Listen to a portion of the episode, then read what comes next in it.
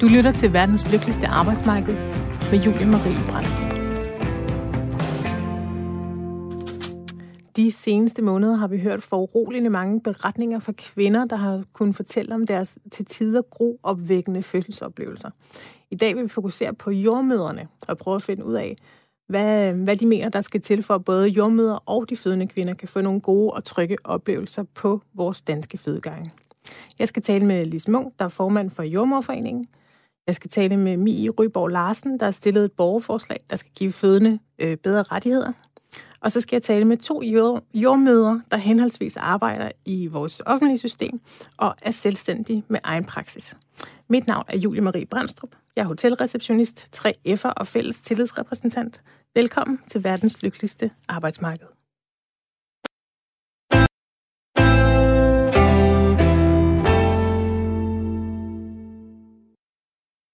Allerførst skal jeg lige huske at sige til lytterne, at hvis I har en kommentar eller et spørgsmål til det, vi taler om i dag, så kan I sende en sms til 1424. I sms'en skriver I R4, efterfulgt af et mellemrum, og så jeres besked.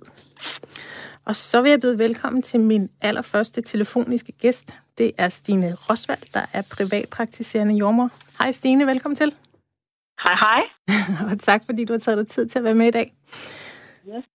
Vi skal kigge lidt nærmere på de forhold, som mange jordmøder arbejder under. Og det ved jeg, at du øh, har en mening om.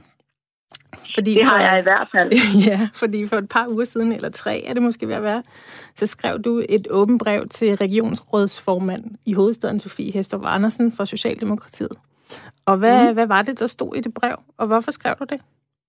Jamen, en hel række af medier har hen over de sidste måneder afdækket de her ret ubehagelige historier fra kvinder og familier, som har haft nogle virkelig voldsomme og ubehagelige oplevelser ved deres fødsler, fordi der har været for travlt. Og øh, Sofie Hestorp, som jo er regionsrådsformand i Region Hovedstaden, hvor jeg bor og tidligere har arbejdet på en fødeafdeling, hun gik ud i medierne og sagde, jamen der mangler jordmødre, så vi kan ikke rigtig gøre noget, fordi de mangler jo. Øh, det er derfor, der er travlt, og, og det lød virkelig som en undskyldning, altså et, et lidt en ansvarsfralæggelse. Og jeg sidder jo her som jordmor, og jeg føler ikke, at jeg mangler, men jeg har helt bevidst fravalgt at arbejde i det offentlige system, fordi arbejdsvilkårene blev tiltagende presset med de besparelser, som der jo bare har været i sygehusvæsenet de sidste mange år. Så mit opråb var simpelthen helt ærligt, vi mangler ikke. Der skal ikke uddannes flere jordmødre. Det handler ikke om at mase flere jordmødre ud i verden. Det handler om at sikre, at de jordmødre, der er på fødeafdelingerne, de har lyst til at blive. For som det er lige nu, så er der rigtig, rigtig mange, der siger op efter kun ganske få års ansættelse. Og jeg selv er jo også en af dem, der har kastet håndklædet i ringen.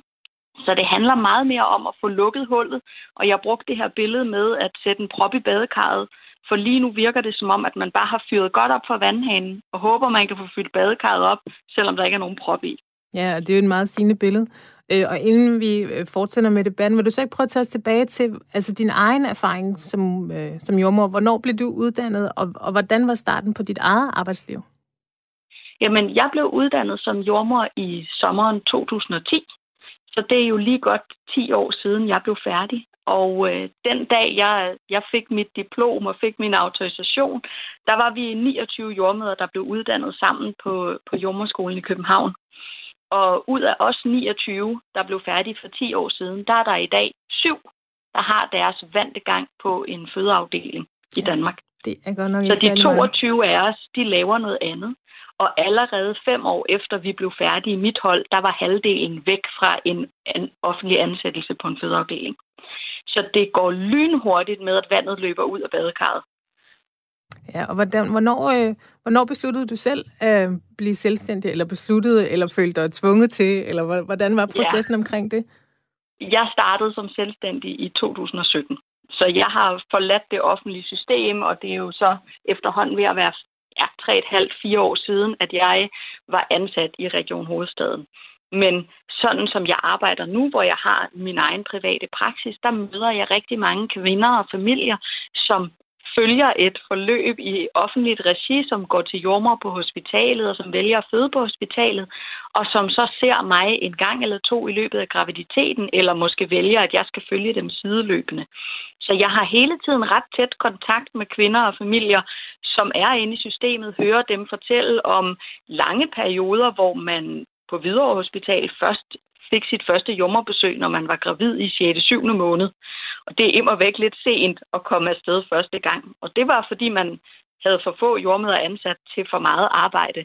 Fordi vi jo netop stemmer med fødderne. Når arbejdsvilkårene er så dårlige, så stopper vi. Ja.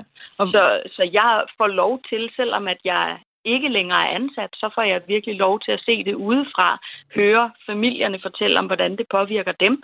Og så har jeg jo selvfølgelig mange tidligere kolleger, som jeg stadigvæk snakker med og hører om, hvad det er, de oplever, nu hvor de stadig er ansat. Ja, det er klart. Og hvordan din, din egen første oplevelse, da du kom ud og var nyuddannet, hvordan, hvordan var den? Jamen faktisk er det lidt vanvittigt at tænke tilbage på, at for 11 år siden, så kunne jeg faktisk ikke få et job.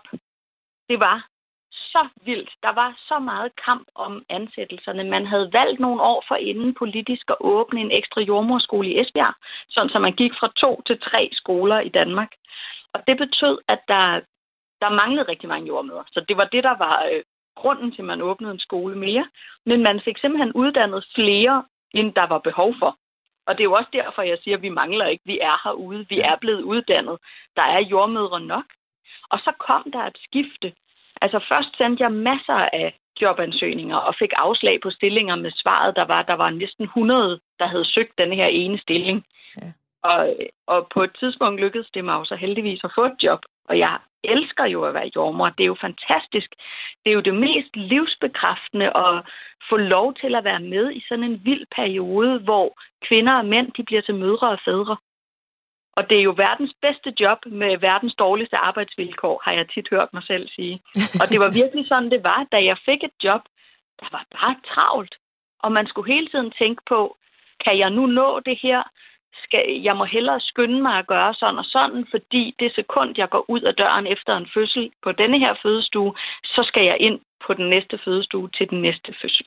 Ja, da vi talte sammen med telefonen før det her program, så brugte du sådan et ret stærkt billede med, at du sagde, at man gik med, med fostervand i træskoene fra den ene ja. fødsel til den anden. Det synes jeg var ret øh, visuelt Og stærkt. job er jo, er jo enormt vigtigt forstået på den måde, at selvom at næsten alle fødsler går godt, så er der fødsler, hvor der opstår komplikationer på ret kort tid. Så hvis man får fostervand i træskoene ved en fødsel, og man må haste direkte videre ind til den næste fødsel, jamen så kan man ikke undskylde sig og sige, jeg går lige 10 minutter, for jeg skal lige skifte tøj. Fordi på de 10 minutter kan der opstå komplikationer, som man ikke var der til at opdage. Så hvis jeg skal skifte tøj, så bliver jeg nødt til at have en kollega, jeg kan prikke på skulderen og sige, undskyld, kan du ikke lige være inde hos det her par, sikre dig, at hjertelyden er okay, mens jeg lige skifter tøj? Og i rigtig mange tilfælde var man for få på arbejde til, at det på nogen måde var muligt, for der var ikke en jordmor, der lige kunne kigge efter hjertelyden, mens jeg fik tørret fostervandet ud af træskoen. Ja, det lyder, det lyder som en barsk omgang. Men øh, dit, øh, dit åbne brev til Sofie Hestrup Andersen, det har fået enormt stor opbakning. Over 1700 har jeg læst mig frem til jordmøder. Og jord... Over 1800 Over 1800, det stiger hele tiden. Og det er over mere end 400 jordmorstuderende. Ja, Jamen, det er, det er ret vildt. Det har, fået, det har fået meget stor opbakning, både blandt jordmøder og jordmøderstuderende. jordmøderstuderende. Øhm, altså, og der har i mange år har der været råbt op altså, om jordmødernes arbejdsforhold. Hvorfor tror du, at det, at det lige nu, I, I har momentum? Der startede jo en bevægelse allerede i efteråret, hvor at DR og Femina og Olga Ravn, som er forfatter, gik ud og begyndte at fortælle historier fra kvinderne fra familierne. Og som jordmor kan man sige, så ønsker vi jo virkelig, at det skal gå kvinderne godt, når de føder. Og vi har ikke lyst til at gøre dem bekymrede og bange, fordi vi ved, at når man er bekymret, når man er bange, så producerer man adrenalin, som faktisk gør, at ens fødsler af sig selv bliver længere og mere smertefulde, fordi man laver adrenalin. Så vi har jo gået meget og prøvet at tænke, hvordan kan vi undgå at gøre kvinderne bange? Og ja. derfor så kan man sige, nu hvor at den stemme allerede var der. Der var det brøl fra urdybet af kvinder, der siger helt ærligt, hvad sker der? Hvorfor skal vores kroppe ofres i denne her fødsel? Hvorfor får vi ikke den samme omsorg, som vores mødre fik, da de fødte os? Hvorfor er udviklingen gået tilbage? Så kan man sige, jamen så var der ligesom taget hul på at gøre, der sidder jo hver eneste dag cirka 45.000 gravide kvinder ude i Danmark. Så når nu at hvad skal man sige, den utryghed, den bekymring var rejst, så skal vi selvfølgelig gå ind og støtte op om den og sige, jamen fra vores perspektiv som fagpersonale, så er grunden til, at I har det på denne her måde, at så mange oplever fødsler præget af travlhed, det er, at arbejdsvilkårene for jordmøderne simpelthen er uanstændige. Så, så fra mit perspektiv har det klart været det, at, øh, at kvinderne de har været ude og sige, jamen helt ærligt, vi vil ikke finde os i det. Det har så betydet, at vi har kunnet gå ud og sige, jamen vi står her skulder ved skulder sammen med jer. Det kan ikke passe, at I skal have de her oplevelser. Ja, ja for det er nogle meget stærke, stærke billeder, man, øh, man får. Og så vil jeg lige byde videre til øh, endnu en, byde, byde velkommen til endnu en gæst, inden vi går videre med samtalen. Og det er ja. jordmor Sus Hartung, som er tillidsrepræsentant for jordmøderne på Rigshospitalet. Hej Sus, tak. velkommen til. Hej, tak skal du have. Ja, og tak fordi du kunne være med i dagens program. Vil du ikke, ja. øh, vil du ikke lige starte med at præsentere dig selv? Jo, øh, jeg er jordmor, som sagt, øh, på Rigshospitalet, og der har jeg været ansat de sidste 14 år. Og så er jeg også tillidsrepræsentant øh, for en gruppe jordmøder på omkring 180 jordmøder. Det, er en, det er en ordentlig chat. Og øh, Sus, ja. Sus som der efterhånden øh, gennem mange måneder har været et stort fokus på nybagtes forældres, nybagte forældres oplevelser af selve fødslen. Og hvad, hvad mener du om de her øh, beretninger? Jamen, jeg er super positiv over for, at, øh, at nybagte forældre tager tid til at fortælle os, hvordan de oplever at komme igennem vores mølle, om jeg så må sige. Altså, fra de bliver øh, nygravide, og de tidligt kommer ind til, øh, hvad hedder det, nakkefoldsscanninger, misdannelsescanninger, møder jordmøderne, føder, hvordan de oplever deres barsel, hvordan de oplever de trængte forhold osv. Fordi der er kun én ting, vi kan sige om det, og det er, at vi skal lære. Vi skal være ydmyge i vores fag, og vi skal lære. Det er på en faglig, på et fagligt perspektiv i hvert fald.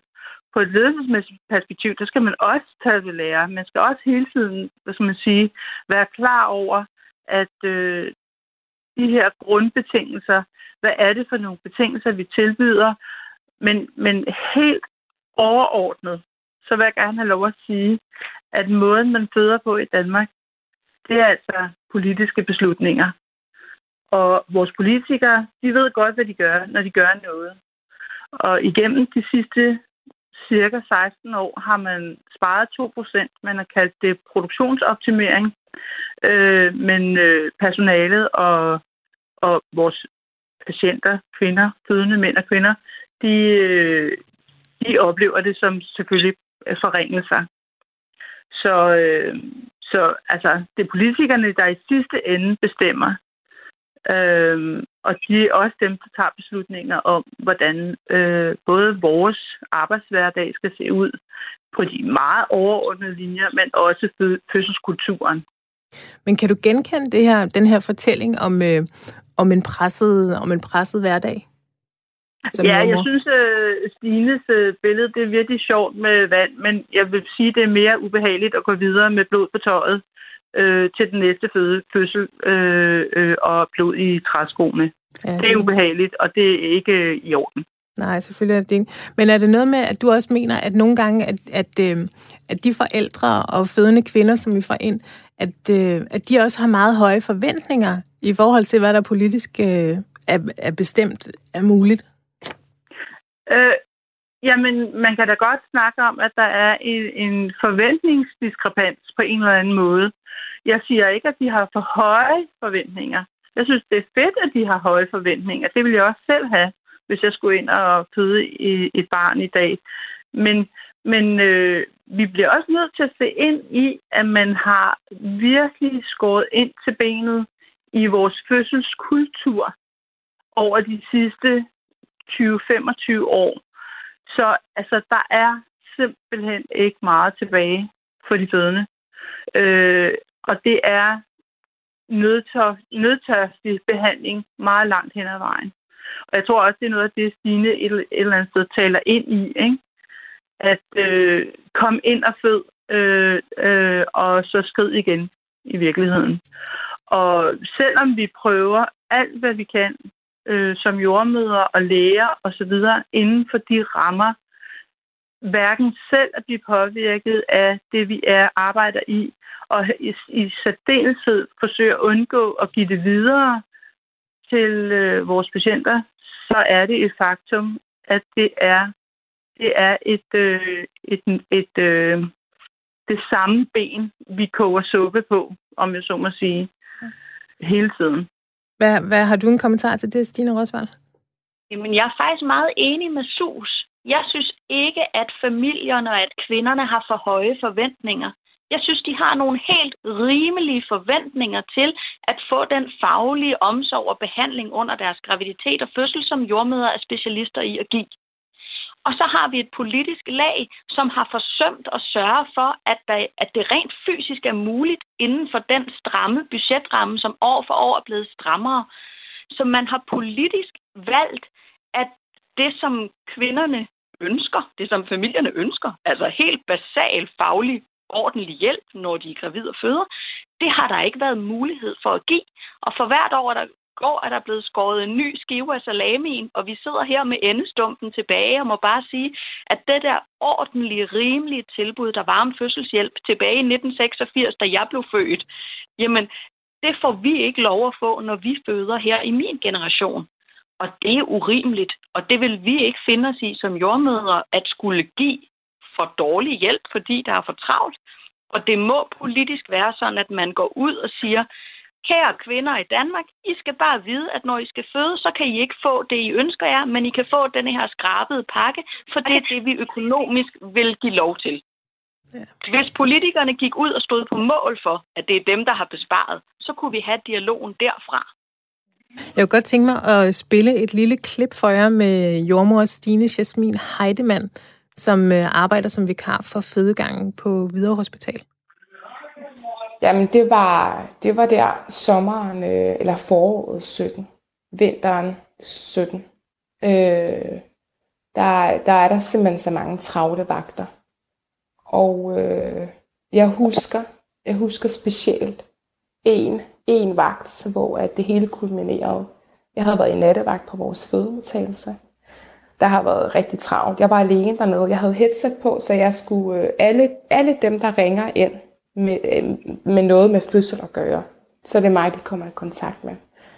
Vi er normalt to om natten, men der var så travlt på fødegangen. Der var så mange fødende, at øh, min kollega var nødt til at gå på fødegangen. Så jeg har headset alene. Plus at min funktion er også, at jeg skal vurdere og tage stilling til alle de øh, gravide og fødende, som kommer akut ind. Øh, og der var så mange fødende den nat, og øh, tidlig morgen, at øh, telefonen den kimer ned, og øh, hver gang jeg har lagt røret på, så øh, ringer den næste. Så jeg når faktisk heller ikke at få dokumenteret alt det, jeg skal. Det er enormt vigtigt at, at, at journalføre. Og øh, da klokken bliver sådan cirka 10 minutter i vagtskifte der tidligt om morgenen, øh, der, øh, der står der lige pludselig fire, fire fødende ved skrænken som alle sammen er nogen, der ikke har kunne komme igennem til mig. Og jeg ved, jeg har ikke nogen jordmøder at give dem. Øh, men de har været så desperate på det tidspunkt, og har ligget derhjemme øh, med vejer, og deres mænd har ikke vidst, hvad, hvad Søren de skulle stille op. Så de har taget bilen, kørt uopfordret ind til, fød, eller ind til, til mig på fødemodtagelsen. Og øh, to af dem græder, kan jeg huske. Fordi de har ondt. Og fordi at de ikke kan komme i kontakt med os, fordi telefonen den simpelthen kimede ned.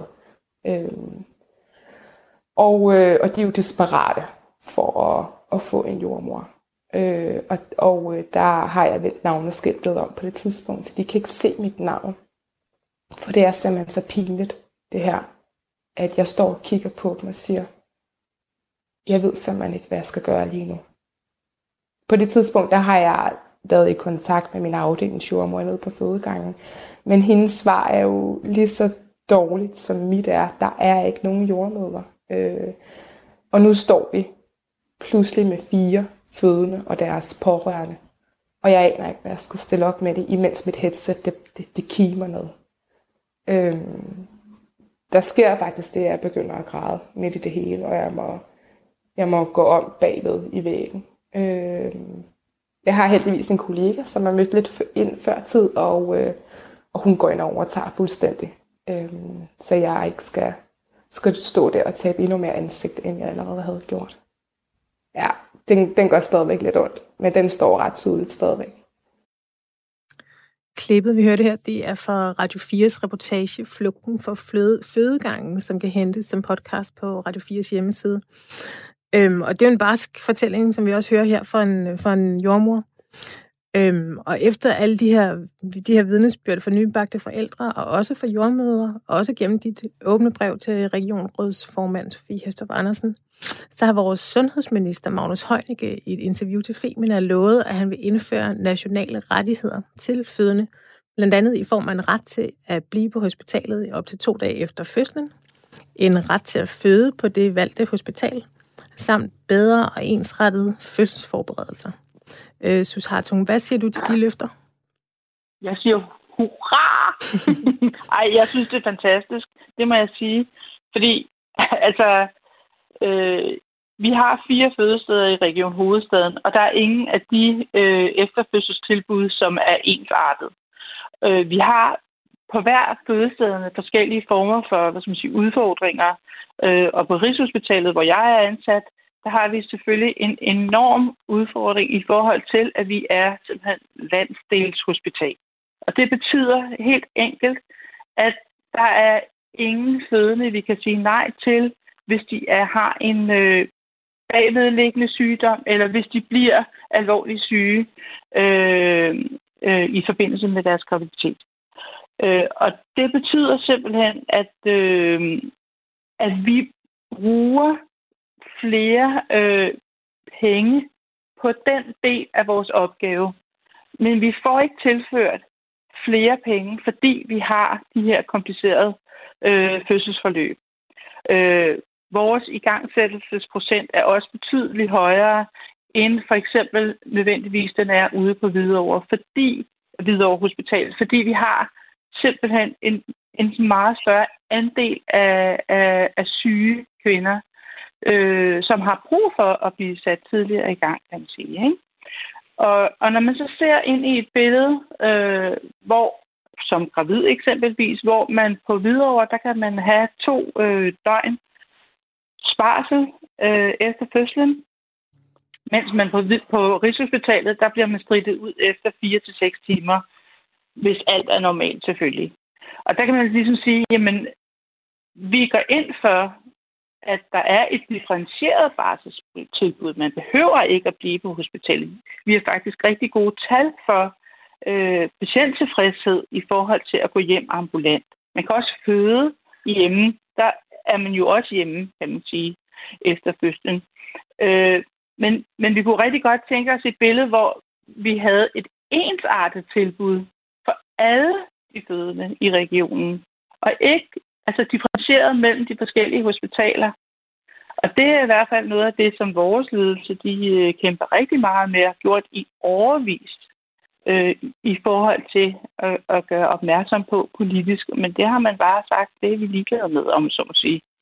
Så vi går rigtig meget ind for et differentieret, men ensartet tilbud. Så derfor er jeg jo selvfølgelig totalt glad for, at Magnus Heunicke går ud og siger det her.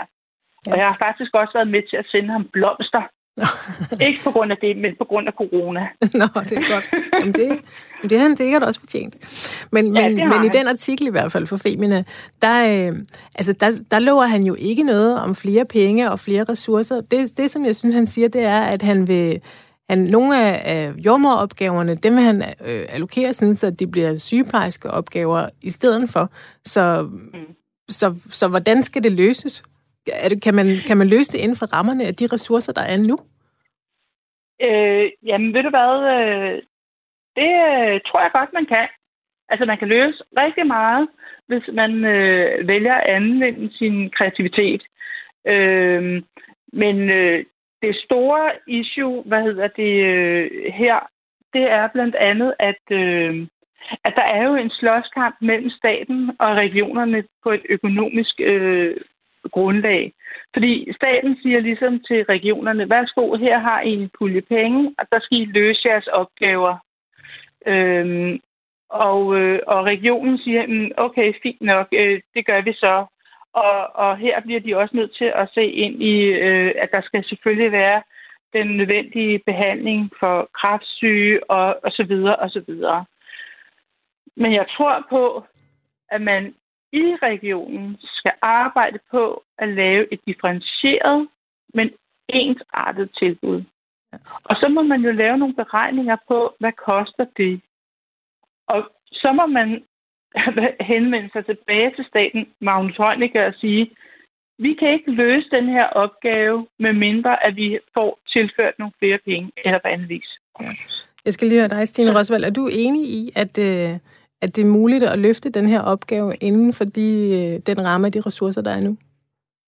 Altså, jeg er dybt bekymret for, at Magnus Heunicke går ud og siger, at de rettigheder, det bliver laveste fællesnævner. Altså, at man går ud og kigger på det mest skrabede tilbud i regionen fra Barsel, som jo det SUS lige har beskrevet om at komme hjem fire timer efter fødslen, også når man har født første gang. Og at han ligesom går ud og siger, at minimumsrettighederne, som kvinder får, det bliver det mest skrabede tilbud. Og hvis han gør det, så kan det selvfølgelig sagtens løses inden for den økonomi, der er, for det vil jo betyde, at andre steder nu kan spare penge. Men hvis han helt reelt og visionært går ind og siger, jeg har hørt, hvad I siger. Jeg har hørt budskabet fra kvinderne, fra deres vidnesbyrd. Jeg har hørt budskabet fra fagpersonalet, deres vidnesbyrd. Så er det her ikke et nulsumspil. Det her er noget, der kræver, at man bruger den økonomi, der skal til. Og i virkeligheden synes jeg ikke, at det vigtige er, at kvinder de har ret til x antal dage på en barselsgang. Det vigtige er, at man siger, ude på vores fødeafdelinger er der dygtigt og kompetent fagpersonale. Der er jordmøder, der er læger, der er andre faggrupper, og de skal selvfølgelig på baggrund af deres faglighed kunne træffe en individuel vurdering for den enkelte familie, som de også økonomisk har rammerne til at tilgodese. Og det betyder, at for nogle familier, så vil en jordmor og en familie blive enige om, at for dem er det oplagt at tage hjem 4, 6, 8 timer efter fødslen, og så til gengæld få et hjemmebesøg fra en jordmor på en times tid dagen efter, og måske igen et par dage efter. Mens det for andre vil fagligt være det helt rigtige skøn og den rigtige beslutning sammen med familien, at de skal være indlagt i to eller måske fem døgn efter fødslen, alt afhængig af, hvilke komplikationer der er, hvilke udfordringer der er. Og det der med at åbne op og sige, vi ved jordmødre og fødselslæger, at I er super dygtige og kloge, og I ved, hvad I laver. I er specialister på området. Vi sørger for, at I kan træffe fagligt velfunderede beslutninger. Det synes jeg giver mening. Jeg synes, der er noget lidt underligt pølsefabriksagtigt over at sige to dage til alle, punktum. Okay, men der er nogen, der slet ikke har brug for to dage, og der er nogen for hvem to dage slet ikke er nok. Og Jamen. sådan som barselsafdelingerne er lige nu, med bemandskab, hvis man putter endnu flere kvinder derind i længere tid, så bliver der endnu dårligere tid til den enkelte. Og så har man fået et hotelværelse med en seng og noget OK mad, men man har ikke fået den faglige hjælp. Nej, det skulle jeg lige til at sige. Så kommer det her til at koste penge. Ja, fordi det skulle jeg lige til at sige, fordi en ting er, at, at man, øh, man måske har ret til at få en seng i to døgn efter man har født. Men, men hvis der ikke er personale og hænder nok til at, at komme og give en den, den hjælp, man har brug for, så, øh, så er det jo øh, øh, et tomt løfte, kan man sige. Nå. Helt men, enig. En seng er bare en seng. Men, jeg øh, håber virkelig, at Magnus Heunicke har tænkt sig at være visionær og virkelig vil kigge på det her med 360 graders blikket og sørge for, at det her det bliver ordentlige rettigheder, og at det ikke bliver sådan noget laveste fællesnævner, for så kan han sige, at han har gjort noget, uden der er kommet en mærkbar forskel for jordmøder, for personale, men så sandelig vigtigst af alt for de familier, der ligger deres liv i vores hænder. Inden, øh, vi skal også lige her til allersidst nå at runde øh, overenskomstforhandlingerne inden for det regionale område, som startede her fredag, øh, og hvorfor jeg haldet på plads lørdag formiddag, så det er simpelthen en rekordtid. Øhm, og, og øh, Sus Hartung, de, øh, det resultat, der er kommet ud af det, er det, er det noget, der kan være med til at forbedre forholdene for, for jordmøderne? Øh, nej, det er det ikke. Og det er det det er, det er dybest set en sikring øh, af reelløn, sådan som jeg ser det. Øh, og det jordmøder i højt, jordmøder og alle offentlige ansatte kvinder, de trænger til, det er at få taget et opgør med den tjenestemandsreform af 1969, som holder dem fast i en skrueting af ulige løn. Simpelthen. Ja. Ja, den tjenestemandsreform fra 69 har, har jeg hørt omtalt mange gange i forbindelse med det der års ja. overenskomstforhandlinger. Men det ligner, ja. at der måske øh, skal en eller anden form for politisk øh, indgreb til, da det ser ud til, at det er svært for, for vores danske model at, at komme med en løsning på lige lidt den her problematik. Jamen, det er du fuldstændig ret i. Det er politisk velvilje, der skal til. Det, som øh, over mig, det er, hvis den politiske velvilje skal komme fra EU eller det internationale samfund, fordi Danmark er virkelig bagud, hvad, hvad gælder ligeløn og ligestilling. Altså, vi rangerer lavt. Jo. Og vi, vi har en, en, en tendens til at bilde os selv ind, at vi er et, et ligestillet øh, samfund. Og, og det er vi altså ikke. Nej. Sus Hartung, jeg vil sige uh, tusind tak, fordi at uh, du har taget dig tid til at være, være med til programmet i dag. Og held og lykke med alle de uh, skønne børn, som uh, I skal bringe til verden inde på Rigshospitalet. Tak skal du have. Og Stine Rosvald, så skal jeg lige høre også her til sidst, at øh, altså, hvad, hvad skulle der til for, for at du øh, lukkede din egen private praksis og tog en af de øh, ledige stillinger, som der er på landets øh, fødestue? Jeg havde faktisk for udgangspunktet aldrig nogensinde drømt om, at jeg skulle andet end at gå på en offentlig fødegang. Jeg vil mega gerne tilbage. Men en løn, der hedder 165 kroner i timen for at stå alle døgnets timer, alle 365 dage om året, og stå med to liv i hænderne, og at man syr kvinders underliv sammen, som jo har kæmpe betydning for resten af deres liv. Vi laver nogle virkelig vigtige, virkelig alvorlige opgaver. Og 165 kroner i timen plus 5 procent, ej, helt ærligt. Jordmøder er dygtige specialister, og vi fortjener selvfølgelig en løn, der svarer til det super specialiserede arbejde, vi laver. Og det, jeg er helt enig med Sus tjenestemandsreformen, det kan vi sagtens snakke om. Men her og nu, hvis jeg skulle tilbage, så skulle vi have en timeløn, som i hvert fald var det dobbelte. Og samtidig, ja tak til ordentlige arbejdsforhold. Og i det hele taget, så må man sige, politikere, de bruger samtidig pisken og samtidig guleroden, når de vil have noget lavet om. Og det her med, at der mangler jordmøder inde på de offentlige hospitaler, det skal løses med guleroden. For vi er herude, og vi vil gerne tilbage, men vi vil ikke tilbage og løbe os selv halvt ihjel og gå fra den ene stue til den anden med fostervand i træskoene til en timeløn, som mange andre ikke ville drømme om at lave så vigtigt et stykke arbejde for. Nej, altså her på, på onsdag den 24. så skal vi så forhandle øh, lokalt øh, organisationsforhandlingerne, hvor at øh, der måske kan komme nogle, nogle forbedringer for, øh, for arbejdsmiljøet for jordmøderne. Mm, blandt andet så har man som jordmøder kun ret til to uger sammenhængende sommerferie, øh, og man arbejder jo altid hver, hver anden weekend, og der, der er mange andre knapper at skrue på end, øh, end lige lønnen, i hvert fald. Men øh, Stine Rosvald, jeg vil sige tusind tak, fordi du tog dig tid til at være med i programmet i dag, og held og lykke med din øh, praksis. Tak.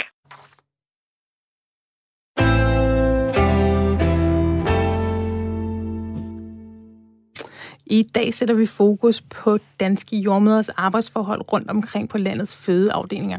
Det gør vi efter, der igennem længere tid har været stort fokus på fødende kvinders beretninger om ret horrible fødselsoplevelser.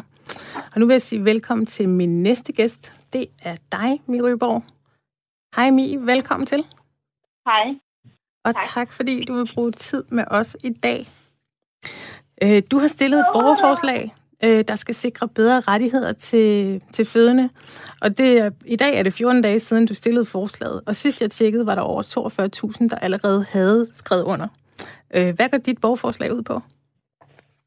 Jamen, det går ud på, øh, hvad hedder det, at prøve at få indført øh, seks forskellige rettigheder til fødende, som øh, det, ja, det er faktisk ret omfattende og ret bredt, kan man sige, men, øh, men er nogle af de ting, vi, vi tænker er, er nødvendige for at få en god øh, og tryg fødselsoplevelse. Men øh, det er blandt andet det her med at få, få ret til ordentlig fødselsforberedelse øh, i små hold, Øhm, og så øh, ret til at få kontinuerlig jordmorstøtte, øh, mens man er gravid og under selve fødslen og den første tid efter fødslen. Øhm, og der peger vi på, at det gerne må være i, i form af det her kendt jordmorordning, øhm, fordi der er nogle øh, forskningsresultater, der viser nogle ret store helbredsmæssige fordele for de fødende, øh, når man, når man har kendskab til sin jordmor. Og så, øh, så er det, at, øh, at vi gerne vil have ret til at føde øh, hjemme, som man allerede har, og på hospital, som man allerede har, og så også at øh, kunne føde på en øh, jordmorledet fødeklinik, øh, som man kun lige nu har i Region Sjælland mulighed for det. Ja. Og så er det også det her med opholdet efter fødslen, øh, som der jo er meget snak om lige nu med 48 timer der har vi egentlig valgt at formulere det sådan, at man skal have ret til at vælge at overnatte øh, og få den støtte på fødestedet, man har behov for, indtil man er klar til at blive hjem eller komme hjem. Og vi har ikke sat sådan en tidsinterval på. Øh, og så har vi også en anden del, som er, at der er jo rigtig mange, der gerne vil hjem og godt kan komme hjem, men hvor at, øh, et opfølgende hjemmebesøg vil være rigtig godt for at komme godt i gang øh, derhjemme og med amning og så videre. Og så amning er også et helt, øh, en helt rettighed for sig, øh, fordi det er jo noget af det, som vi altså, kæmper rigtig meget med, når vi, når vi lige har født øh, noget, man skal lære. Øh, så der vil vi gerne have, have ret til at få øh, individuel og personlig øh, støtte til, til at komme godt i gang med amningen og få, få ligesom en, en form for overlevering til, til sundhedsplejersken øh, fra fødestedet. Øhm, ja, jeg skal lige ja, sige, at du, uh, du går hjemme på barsel lige nu, så det er, yeah. så det, er det, man kan ja, høre i baggrunden. Og det er helt passende i det her program, så det er bare helt perfekt. Men jeg skal høre, hvad er, hvad er baggrunden for, at uh, I stillede det her forslag? Hvor, hvor opstod ideen? Øh, jamen, det var inde på den her Facebook-gruppe, som øh, Foreningen Forældre Fødsel oprettede sammen med nogle kvinder, efter Olga Ravn udgav hendes øh, debattenlæg i politikken det var vi jo rigtig, rigtig mange, der kunne ikke genkende til de ord, hun skrev. Og så var der nogen, der fik oprettet den her gruppe, og på en eller anden måde, så fandt folk frem til den, og vi blev hurtigt rigtig, rigtig mange inde i den gruppe, der delte øh, forskellige vidnesbyrd øh, om, hvordan vi havde oplevet at være i svangeromsorgen. Nogle øh, rigtig, rigtig grælde øh, svigt-situationer, og andre øh, mindre, men hvor man kan sige, at at vi var ligesom bare fælles om, at, at det, var ikke, det er ikke godt nok, som det er lige nu, og det er faktisk øh, vores helt klare indtryk, at det er værre, end da vi selv blev født. Og det kunne vi ikke få til at hænge sammen. Øhm, og så var der en i gruppen, øh, Honey, som også er medstiller på forslaget, der, der skrev, skulle vi ikke øh, prøve at stille et borgerforslag? Og øhm, på det tidspunkt, da hun skrev det, der var der faktisk ikke kommet politisk opmærksomhed på, på det her endnu. Det er der jo rigtig meget nu, men det var der ikke der, og vi var sådan lidt, hvordan kan det være, at der ikke er nogen politikere, der tager stilling øh, til det her, og tager ansvar for det her, for det er jo ligesom deres ansvar. Øh, så gik vi i gang med at skrive og undersøge, og, og så imens vi gjorde det, jamen, så begyndte der så småt at komme politiske meldinger, øh, men så gik vi så i luften med det borgerforslag her i, i starten af februar, og så, øh, ja, vi jo lynhurtigt rigtig, rigtig stor øh, Ja, det er gået stærkt. Det er gået stærkt sådan ja. her. Hvordan, hvordan var din egen oplevelse? Hvordan var din fødsel? Altså, jeg har to børn, så den øh, yngste er jo så den, jeg er hjemme på barsel med nu. Og øh, øh, min første øh, datter, jeg fødte i 2016, det var på sygehuset. Øh, og, øh, og jeg har egentlig ikke sådan tænkt, at at jeg har haft en, et traumatisk forløb, eller blevet svigtet, eller noget. Men, men det var sådan, jeg vidste jo ligesom bare, da jeg blev gravid, at det der med fødselsforberedelse, det er noget, man skal købe privat, hvis man skal have noget, man kan få noget ud af. Jeg var også med til de auditorieoplæg, som, øh, som sygehuset tilbød, men det var jo ren, altså her er parkeringspladsen-agtig information. Det var ikke noget, man sådan kunne bruge. Hvordan skal jeg håndtere smerterne? Hvordan skal jeg øh, ja, hvordan skal vi overhovedet øh, være som familie? Alle de der ting kom man jo slet ikke ind på. Det var sådan en envejskommunikation. Så, så der købte jeg bare sådan et, et privat kursus der øh, ved siden af, fordi det, det, det er bare sådan nu. Det, det skal man lidt, altså hvis man gerne vil forberedes ordentligt. Øh, ja. Og så... Øh, og så fødslen synes jeg faktisk var okay. Jeg havde sådan en meget lang øh, fødsel på 48 timer, så det var jo ret forfærdeligt. Men altså, det, øh, jeg havde en jordmor hos mig øh, mest af tiden. Øh, der var lige, jeg var sådan en halvanden døgn inde på, inde på hospitalet under fødslen. Det første halve døgn var jeg hjemme. Øh, men så det var kun lige den første nat, at der blev jeg passet af fødegangen, som der står i min journal. Altså, der, der var der ikke nogen jordmor og jeg var ikke i aktiv fødsel endnu, men jeg var jo stadig sådan meget træt og meget smertepåvirket. Øhm, men den sidste del af fødslen, der havde jeg en jordmor, og det var rigtig, rigtig godt at have en hos mig, øh, der kunne hjælpe mig igennem det, for det var jo sindssygt hårdt. Ja. Øh, og så blev jeg så indlagt på, på barselsgangen bagefter, øh, hvad hedder det, der, i den region, jeg bor i, der har man mulighed for at, at blive to døgn på, øh, på fødestedet. Men jeg blev det også, fordi jeg fik et kateter, som de skulle tjekke noget med min blære og sådan noget. Så, så jeg ville have blevet det uanset hvad. Øhm, men, men den oplevelse var ikke særlig god. Altså, det var virkelig tydeligt, at de havde travlt. Det, det var sådan, for eksempel med at få hjælp til at komme i gang med ammen. Jeg anede ikke, hvad det var for noget, og det gjorde også ondt sådan ret hurtigt. Og, og der sagde de bare sådan, jamen du ring efter os på klokken der, når, når babyen skal amme, så kommer vi og hjælper dig. Øh, og når man ringede, altså så gik der jo flere timer, før de kunne komme, og så var det jo ikke til at vide, om babyen sov igen. Og øh, den hjælp, jeg fik, det var, det var sådan et par arme-rækker, jeg fik stået i hånden, og sådan, prøv dem her og se, om ikke det, det hjælper. Og det prøvede jeg så, og det, det er ikke rigtigt. Men altså, jeg kunne ligesom bare fornemme, at der var ikke tid til mere. Øh, så, så da jeg havde været der et døgns tid, så ville jeg bare gerne hjem. Ja. Fordi jeg kunne ikke bruge det tilbud til noget, kan man sige. Øh, og så da vi så gerne ville hjem, det sagde vi så til den første øh, personale, vi kunne komme i kontakt med. Og så gik der alligevel 5-6 timer, før at vi fik en udskrivningssamtale, og rent faktisk kunne gå hjem. Kunne jo selvfølgelig godt have gået hjem, men, men man vil jo gerne lige sende godt ud af døren, ikke? men de har simpelthen bare for travlt til at overhovedet kunne sende os hjem. Ja, det er klart. Så det lyder som om, at det ikke kun er i Region Hovedstaden, at øh, jordmørpersonalet er enormt presset. Men Nej, hvad siger jeg du bor i Region Sjælland, ikke? Så... Ja. Hvad siger du til, at Magnus Heunicke, han har været ude og love øh, bedre rettigheder til, til de nybagte forældre, måske på baggrund af jeres borgerforslag? Han har for eksempel øh, stillet en ret i udsigt til, at man kan blive på hospitalet op til to døgn efter fødslen, og også netop det her med, med bedre og mere ensrettet landsdækkende fødselsforberedelse. Altså, jeg synes, det er, hvad hedder det, helt klart et skridt i den rigtige retning, det her med at få nogle øh, ensrettede landsdækkende rettigheder eller retningslinjer. Øh, vi, vi ser jo rigtig gerne, at det bliver rettigheder, sådan, så der også kan følge nogle midler med, så den gør, at man kan leve op til de her rettigheder. Øh, så det er jo lige den, den del, der måske mangler. Øh, jeg, jeg vil sige, det der med 48 timer, det, altså, jeg ved ikke, hvad det rigtige antal øh, timer eller døgn er. Det, det synes jeg også lidt skal være op til en vurdering mellem øh, familien og fagpersonalet. Jeg synes, det skal være fleksibelt tilrettelagt. Ikke? Og så skal der jo være, være noget kvalitet i, i øh, det tilbud, man så får. Øh, fordi, som jeg også snakkede om tidligere, hvis man bare får en seng og et måltid mad, jamen det kan man lige så godt få derhjemme. Øh, men jeg er rigtig glad for, at politikerne begynder at snakke om det her. Øh, Ja. Hvis man nu gerne vil øh, støtte op om dit borgerforslag, hvordan gør man så det? Det gør man inde på øh, borgerforslag.dk, og så scroller man lidt ned og finder øh, bedre fødsler øh, om indførelse af rettigheder til fødende. Og man kan også følge øh, Forældre og Fødsels øh, Facebook-gruppe eller Facebook-side og øh, Instagram-profil. Øh, der, der poster vi også sådan øh, baggrund for forslaget og nyheder og sådan noget, når der er noget... Øh, politikere, der tager stilling til det, eller, eller andet relevant nyt.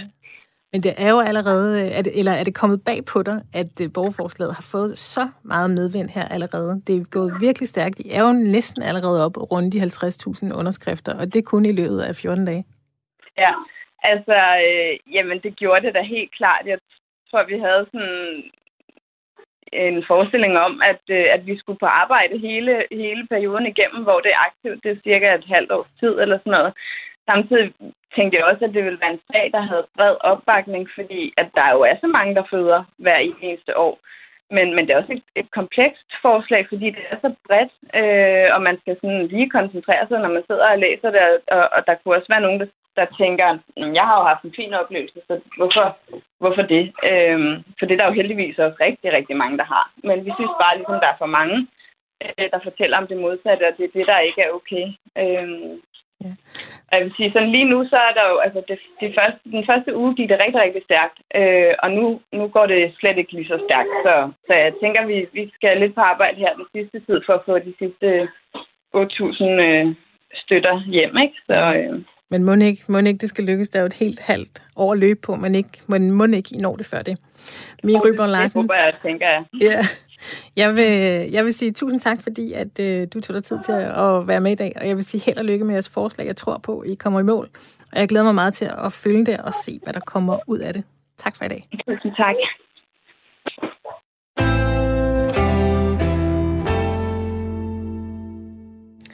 Og nu er det blevet tid til at byde velkommen til min sidste gæst, og det er Lis Munk, der er formand for Jordmorforeningen. Hej Lis Munk, velkommen til. Hej, tak du have. Og tusind tak, fordi du også har taget dig med, tid til at være med i dag. Øhm, I går på øh, TV-avisen, eller i går i, i TV-avisen på DR, øh, kunne vi se et indslag om en jordmor, der boede i København, men hver dag så pendlede hun tæt på 100 km til Slagelse sygehus for at gå på arbejde. Hvad mener du, der skal til for at få rettet op på arbejdsforholdene for jordmøder, altså måske især her i Region Hovedstaden? Jamen, øh, altså, vi kommer ikke udenom, at, øh, at svangeromsorgen, som vi kalder det, det der hedder graviditetsfødsel og barselsperiode, øh, den har været underlagt øh, besparelser ligesom rigtig meget andet inden for vores sundhedsvæsen. Og det gør, at, øh, at længe så har jordmøder løbet stærkere for at kompensere, fordi vi er så øh, dedikeret til vores øh, fag, så vi løber stærkere for at give øh, kvinderne og familierne nogle gode forløb, nogle gode oplevelser, nogle gode, noget, der, der, der giver sikkerhed og, og giver mening for den, for den enkelte. Men nu, øh, nu tror jeg, at man øh, føler, at, øh, at vi har løbet stærkt nok, længe nok, og, og derfor så det er vi nødt til at sige, at der skal ansættes flere jordbrugere for at kunne gøre det bedre. Så det tror jeg er ligesom hoved, hovedsvaret, kan man sige. Ikke? Øhm, og så kan man selvfølgelig også se på den måde, man, man arbejder på. Altså, jeg tror, det der er den store forskel på, øhm, på det her arbejde i hovedstaden og så arbejde for eksempel i Region Sjælland, det er alt lige, at arbejdspladserne er mindre. Og øh, altså fødestederne er mindre, der er færre fødsler, og når der er det, så er der også øh, færre, mindre personale, og det gør, at man lettere kan have en relation til sine kollegaer. Øh, man kan lettere have indflydelse på sit arbejde.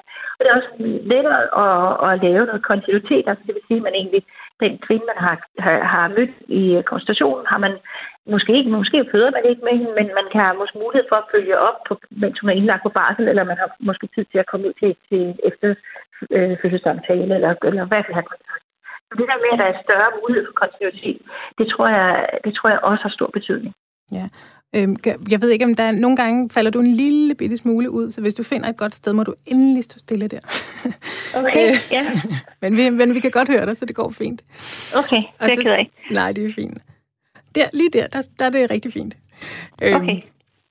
Men, og faktisk, det du nævner med de, med de, øh, med de mindre fødesteder, eller større fødesteder, det er øh, Eva Rydal, der er jordmor, hun lektor og BUD øh, ved jordmoruddannelsen på Københavns Professionsskole. Hun har nemlig forsket i, hvordan fødselshjælpen har ændret sig de sidste 20 år.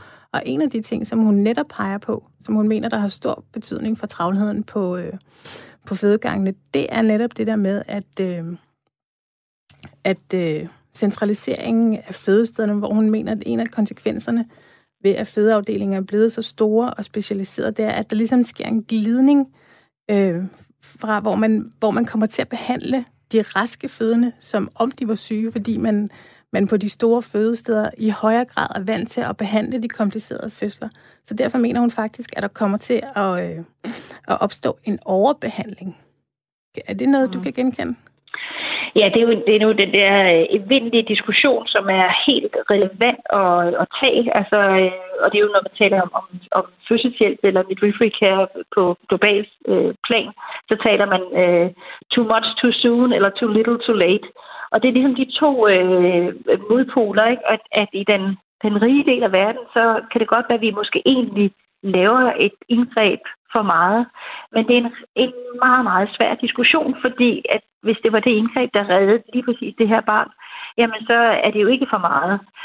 Men, men vi kan ikke komme udenom, at, at vi kan se i den vestlige del af verden, eller den rige del af verden, jamen så laver vi faktisk flere og flere indgreb, øh, uden at vi nødvendigvis får øh, meget højere, øh, bedre outcome. Ikke? Altså, øh, og, og øh, altså det er jo det, hvis du skal lave indgreb på mange for at redde en enkelt, Øh, det, det, den, den er rigtig, rigtig svær, for hvis den enkelte, man redder øh, barnet for, øh, øh, det, er jo, det er jo den, der er rigtig, rigtig vigtig også. Ikke? Så øh, jeg synes, vi hele tiden skal blive øh, dygtigere på at nuancere og prøve at målrette vores, øh, vores indsats på dem, der har brug for det. Og det, det, er en, det er ikke en diskussion, der er færdig, det er, eller et, et arbejde, der er færdigt. Det arbejder vi hele tiden med. Ja, og det er, fordi lige netop det der med indgrebene, det er netop hendes anden vigtige pointe. Og det hænger selvfølgelig sammen, det er jo klart. Men netop, at øh, øh antallet af fødselsindgreb er øget meget drastisk i løbet af de sidste 20 år. Det er for eksempel sådan noget som rygmavsbedøvelse, som er gået fra at være 7% til at være 23%, der får rygmavsbedøvelse. Mm. Og i gangsættelser der er gået fra 11 procent til 28 procent, netop fordi, at man før i tiden blev sat i gang med efter 14 dage, har jeg lavet mig fortælle. Mm. Og nu har man en politik om, at øh, man sætter i gang øh, nærmest automatisk efter 10 til 12 dage for at sikre, mm. at, at, øh, at både mor og barn øh, kommer bedre igennem fødslen. Ja. Og så siger ja. hun også, at de her indgreb, de avler ligesom flere indgreb. Mm. Ja. Men det tror jeg, det tror jeg også, hun har ret i. Det, det er lidt svært at have, have, have med at gøre, ikke? men der er der noget med, at hvis du... Altså, da jeg blev uddannet for mange år siden, jamen, så bare det at køre en CTG, altså en, en overvågning, hvor man lytter i hjertelyden, og det var bare ud med nogle bælter omkring maven, det var jo noget, det var, var noget man nærmest skulle overtale kvinden til. Ikke? Altså, øh, så har, har man jo... Øh, så har der noget, en normalitetsspiral, ikke? altså at et, et V-stimulerende drug, øh, er jo normalt, det er noget, vi bruger jævnt hen, ikke? mens at det tidligere var måske noget, som man brugte meget, meget sjældent, og var meget mere opmærksom på, hvad er konsekvensen af, at vi går ind og blander os og stimulerer V'erne. Og det, som, som Eva Rydal også peger på, det er jo det her med med igangsættelserne at, øh, og, og epiduralen som smertelindring. Der er noget af det, jeg synes, vi skal passe på med at være, øh, forstå mig ret, øh, negativ over for udviklingen, fordi øh, grunden til, at epiduralerne de ikke var så udbredt tidligere, var jo fordi man ikke øh, havde det som et tilbud alle steder. Og, og øh, øh, epiduralen er jo en genial smertelindringsform for den kvinde, som har et, et, øh, langt forløb og, og, øh, og ikke kan udholde øh, V-smerten. Øh, og især når vi går ind og, og blander os i, i fødslen, så, så, øh, så bliver det jo ikke en naturlig øh, tilvænding til, hvordan hvor kraftige vejerne er, og derfor kan det nogle gange være sværere at kapere de her V-smerter. Øh, så det er jo egentlig en, en positiv vinkel, at nu har man prioriteret, at det er også muligt at give en, en god smertelindring, øh, selvom det bare er fødsler. Ikke? Og sådan var det jo ikke til at begynde med. Så var det jo ikke noget, man prioriterede øh, øh, tidligere. Men jeg tror, at Eva har, har ret i, at man skal kigge på, hvad bliver konsekvensen af, at vi, vi vender os til, at det er normalt at lave et lille indgreb, som så bliver følger et indgreb mere med til sig. Øh, og det, det er en balancegang, som vi, vi hele tiden må have for øje. Ja, altså tror du, tror du, at en af løsningerne kunne være altså, at decentralisere, altså begynde at oprette flere fødesteder og mindre fødesteder igen? Øhm, altså, øh, jeg tænker, det, det, altså jeg tror, at der er noget i forhold til at lave, øh, lave gode fødsler og lave godt arbejdsmiljø. Øh, og vi kan i hvert fald i den ene ende sige, at vi har endt ud med, i hvert fald i hovedstaden, at lave nogle meget, meget store øh, fødesteder, og dermed også meget store arbejdspladser, og dermed et meget udfordrende arbejdsmiljø. Øh, og det ser vi jo også på nogle af de andre øh, store steder i de andre regioner. Ikke? Øh, en, en af løsningerne kunne være at lave mindre enheder, øh, enten på det samme fødested eller, øh, eller udenfor. Og da, altså, øh, og, hvis man ser på det overfra, udefra, så burde der jo være nogen, der kunne føde helt ukompliceret, som egentlig ikke havde brug for den specialistviden, som vi netop har valgt at samle på de her øh, store steder. Altså, der er mulighed for en, øh, en, øh, en, en, en fødselslæge, og der er mulighed for en, en øh, børnelæge, hvis, det, hvis der er behov for det, og der er også mulighed for en assiolog, altså en, en hvis man skal have en epidural. Øh, og der er mulighed for at lave et kejsersnit meget, meget hurtigt. Og der er jo, der er jo en ret stor gruppe af fødende, som jo øh, ikke øh, ville have det behov. Så hvis der var et ønske blandt kvinderne også, så kunne man jo godt tænke i, skulle vi prøve at oprette nogle enheder, som øh, faktisk lå udenfor, øh, som, som kunne øh, rumme en del af fødslerne, og dermed også gøre de store offentlige øh, hvad hedder det, øh, regionale arbejdspladser og fødesteder lidt mindre. Det var der en mulighed at gå, ikke? Men ellers så kunne man gøre det, som man allerede har gjort i Region Hovedstaden, lave de her in-house fødeklinikker. Men for at det giver noget effekt, både for de fødende, men især også for jordmøderne, så skal man jo også på en eller anden måde have ressourcer til at skærme det. Sige, ligesom, det her, jeg bliver simpelthen nødt til at, at afbryde dig, fordi vores tid ja. den render fra os, og vi skal gøre plads ja. til nyhederne. Så jeg vil sige tusind, tusind tak, fordi at, øh, du ville øh, være med i dag. Tog dig tid til det. Tak skal du have. Okay. Hej. Mit navn det er Julie Marie Brandstrup. Du har lyttet til verdens lykkeligste arbejdsmarked. Tak til både mine gæster og til jer, der har lyttet med. Vi sender som vanligt den næste gang på mandag her på Radio 4. Verdens lykkeligste arbejdsmarked var produceret af Rackerpark Productions. Dagens program var tilrettelagt af Marie-Louise Mettelung og produceret af Julie Lindhardt Højmark.